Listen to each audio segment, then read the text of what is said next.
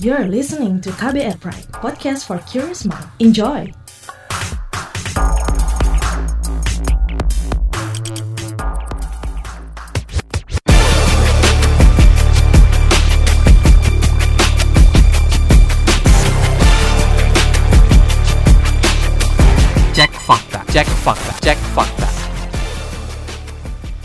Beredar sebuah video singkat melalui pesan berantai dan media sosial tentang paku-paku kecil yang terdapat di dalam obat entorofuril. Bagaimana penelusurannya? Kembali bersama co-founder and fact check spesialis masyarakat anti fitnah Indonesia Mavindo, Aribowo Sasmito. Don Dredi menghadirkan topik teratas periksa fakta Mavindo periode 6 hingga 12 Maret 2021 hasil periksa fakta dengan tingkat engagement paling tinggi dalam forum anti fitnah hasut dan hoax atau FAFHH serta Instagram. Podcast ini bisa Anda simak di kbrprime.id setiap Senin dan di aplikasi podcast lainnya.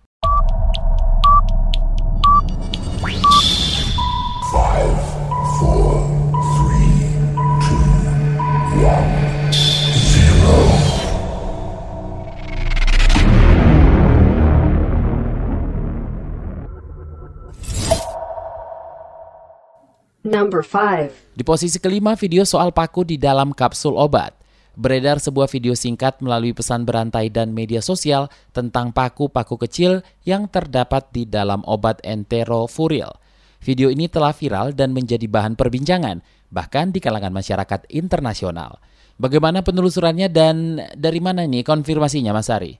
Ini sudah diklarifikasi oleh Komite Pengawas Medis dan Farmasi Kementerian Kesehatan Republik Kazakhstan. Nah, kenapa Kazakhstan? Karena awalnya video ini beredar di Kazakhstan duluan sebelum dibagikan di Indonesia dan itu sudah sudah jadi hal yang standar bahwa yang beredar di luar negeri itu akan beredar juga di Indonesia.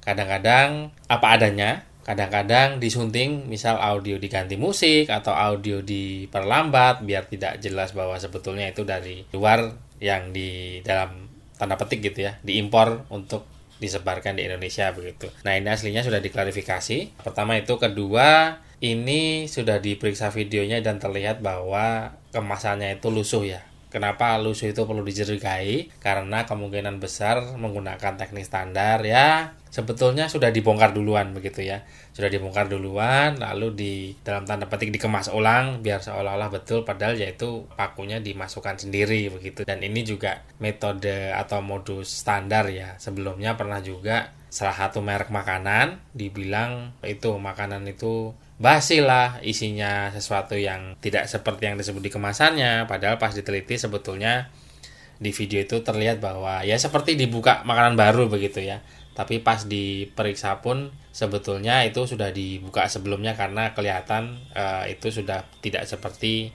kondisi ketika diterima dalam kondisi keadaan baru.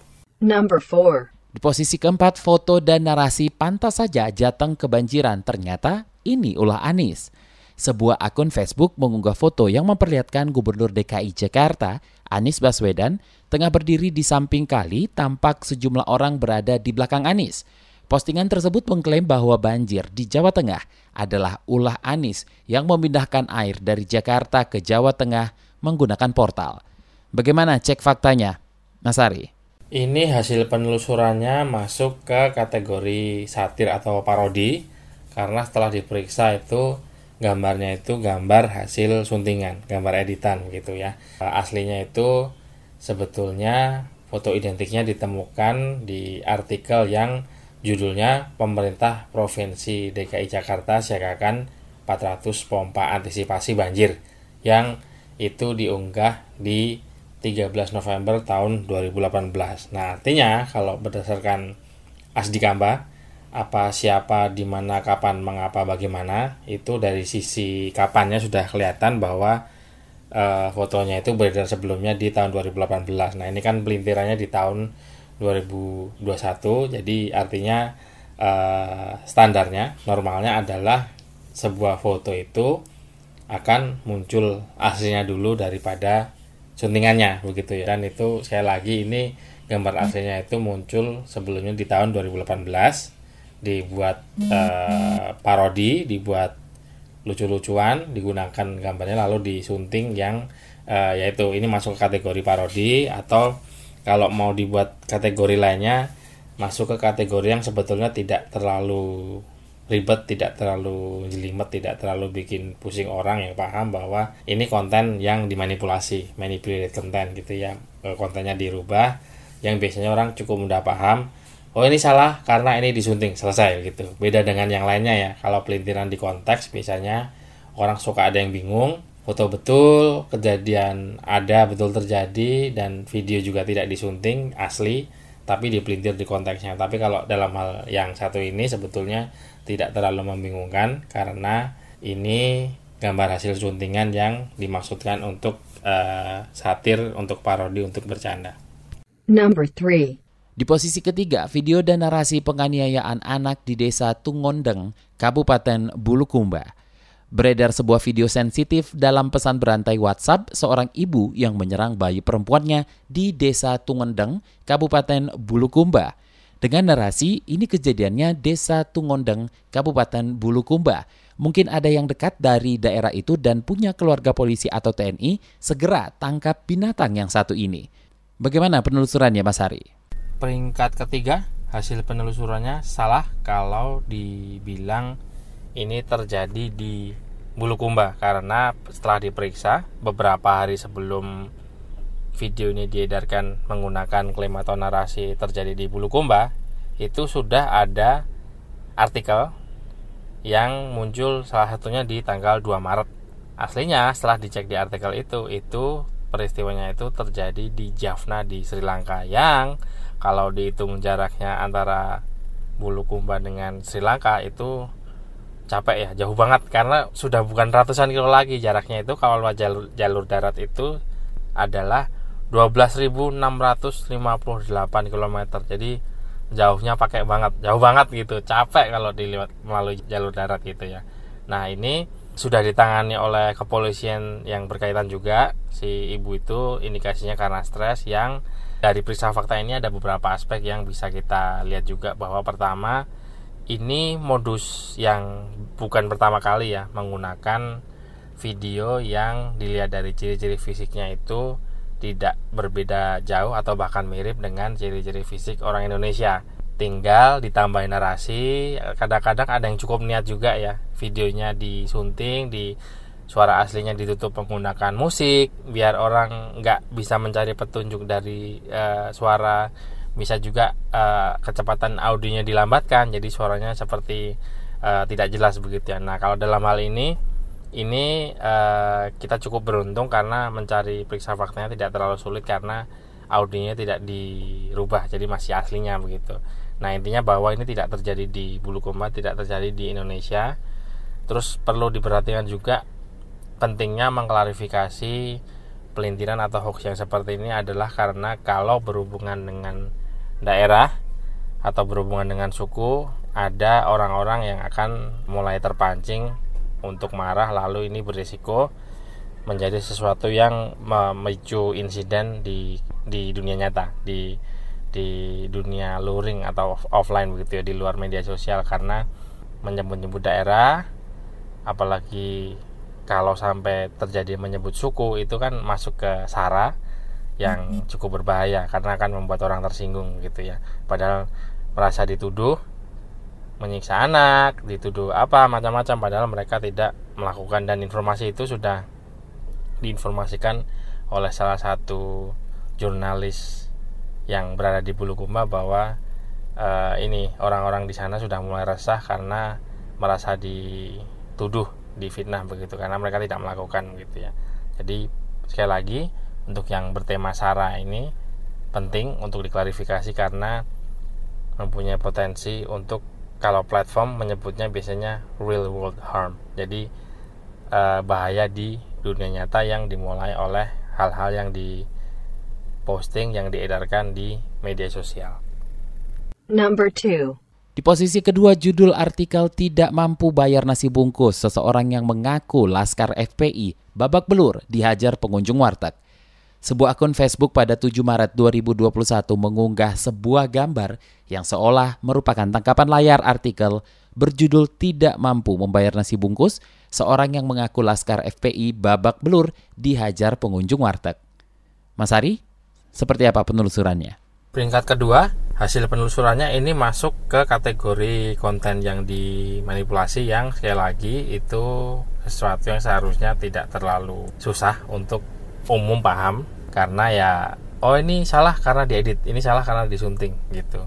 Nah, dalam hal ini sebetulnya ini disunting dari sisi gambarnya. Jadi artikel dari Kompas diambil tangkapan layar lalu teksnya diganti uh, yang judul aslinya itu sebetulnya tidak seperti judul yang dipelintir ya. Jadi judul aslinya itu sebetulnya ini uh, aslinya foto yang muncul di pemberitaan oleh kompas.com di 3 Oktober cukup lama tahun 2014 gitu.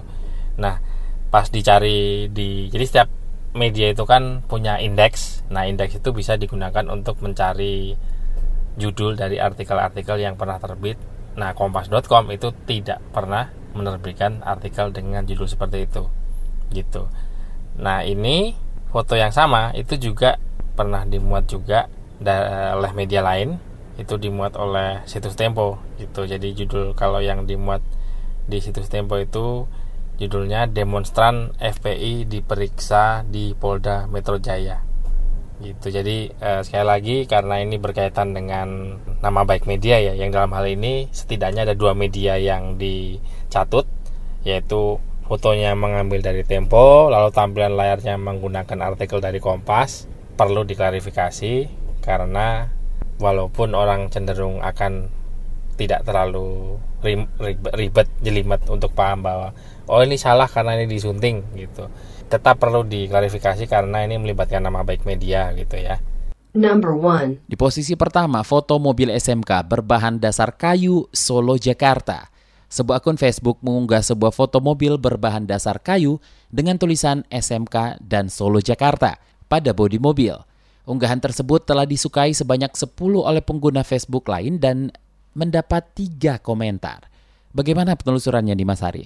Peringkat satu, ini hasil penelusurannya masuk kategori konten yang dimanipulasi atau manipulated content dan ini HLBK juga hoax lama bersemi kembali karena sebelumnya sudah pernah diperiksa dan dimunculkan lagi gitu ya. Jadi sebelumnya itu di tahun 2020 bulan Juli itu sudah sudah di, sudah dibuat periksa faktanya. Tapi ini agak berbeda memang ya. Tulisannya ada di posisi pintu. Nah, kalau yang sebelumnya itu posisinya ada di tempat lain jadi aslinya itu sebetulnya memang mobil dari kayunya ini betul ada tapi tidak ada tulisan SMK-nya gitu dan seperti biasa untuk yang tema-tema konten yang dimanipulasi yang cenderung mengarah ke satir sarkas parodi gitu itu komentarnya bisa banyak karena masih ada saja orang-orang yang menilai bahwa orang lain itu tahu dan nggak taunya ya harus sama dengan tahu nggak taunya dia gitu. Padahal kan tidak bisa seperti itu gitu.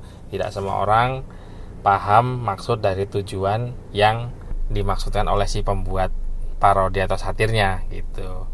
Bahkan salah satu tanda satir yang sukses itu kan justru pada saat semakin banyak orang yang salah paham gitu ya. Gitu. Yang itu sebetulnya masuk ke ranah niat ya. Motif-motif dan niat gitu. Yang artinya yang betul-betul tahu motif atau niatnya itu ya si pembuatnya. Makanya untuk yang satir parodi sarkas pun akan tetap dicarikan oleh pemeriksa fakta karena pemeriksa fakta itu bukan pemeriksa motif. Selama pemeriksa fakta kami berhasil mendapatkan bantahan sumber yang valid untuk digunakan untuk membantah atau mengklarifikasi itu akan dibuatkan periksa faktanya tanpa melihat apa pun itu motifnya. Itu dia tadi topik teratas periksa fakta Mavindo periode 6 hingga 12 Maret 2021, hasil periksa fakta dengan tingkat engagement paling tinggi dalam forum anti fitnah hasut dan hoax atau FAFHH serta Instagram.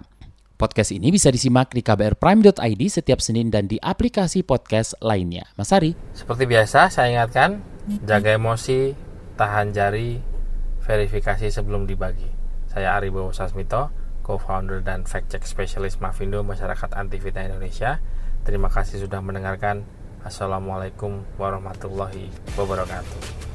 Terima kasih telah menyimak podcast Cek Fakta ini. Kami menantikan masukan Anda lewat podcast at kbrprime.id. Sampai jumpa di episode berikutnya.